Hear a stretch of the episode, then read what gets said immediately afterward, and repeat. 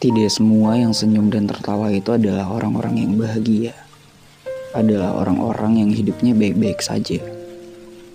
Aku pikir cukup sulit ketika harus memasang wajah bahagia padahal perasaan sedang kalut dan pikiran yang sedang berantakan.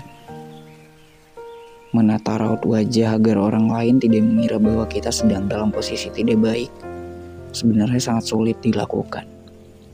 Tapi beberapa orang melakukan hal itu karena mereka merasa bahwa dikasihani seseorang bukanlah yang mereka inginkan.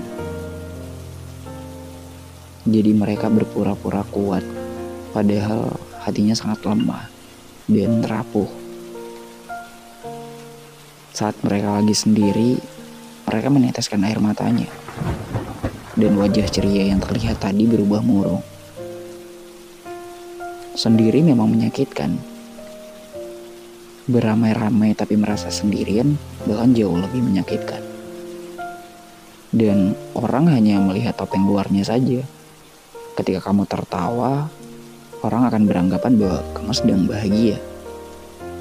Dan ketika kamu nangis, orang akan beranggapan bahwa kamu sedih. Jarang seseorang yang tahu bagaimana yang sedang dirasakan oleh orang lain. Kalau orang tersebut tidak cerita sama sekali kita juga nggak bisa merasa beban ini harus ditanggung sendiri. Kita juga butuh bantuan dari orang lain. Walau ujung-ujungnya tetap yang menyelesaikannya kita sendiri juga. Tapi ya orang yang kita percaya, kita juga pengen ngasih tahu mereka bahwa ini loh yang lagi aku hadepin. Seenggaknya dari sedikit cerita itu bisa ngeringanin beban kita. Bisa ngeringanin sedikit sesak di dada kita. Itu pun kalau mereka berkenan jadi pendengar yang baik, tidak membanding-bandingkan kelukaan yang lagi dihadapi, masalah yang lagi dihadapi. Kalau aku ngerasanya kayak gitu, walau kadang di satu titik kita nggak pengen ngerepotin orang lain dengan cerita sedih yang kita punya. Lebih memilih buat nyimpen sendiri aja karena berpikir toh masalah ini juga bakalan kuatasi sendiri nantinya. Untuk apa cerita ke orang lain? Kadang mungkin di titik itu kita pernah berpikir seperti itu. Ya nggak salah juga. Selagi kita sanggup menghadapinya sendiri ya kenapa harus nyusahin orang lain. Tapi ada beberapa keadaan juga yang memang kita nggak sanggup ngelakuinnya sendiri.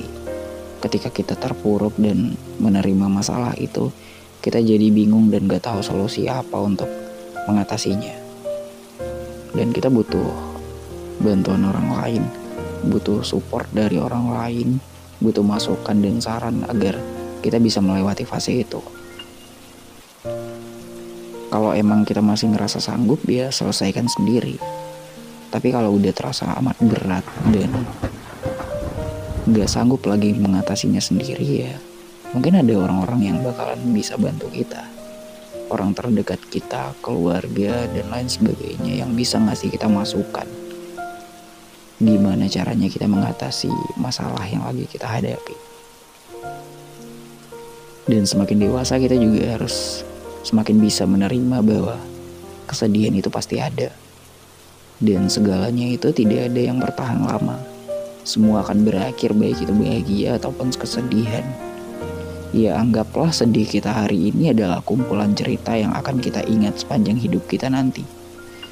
Ketika rasa senang sudah ada di genggaman kita, kita jadi gampang bersyukur. Gak selalu berbangga diri atas kesenangan, karena kesenangan bisa berakhir juga suatu saat.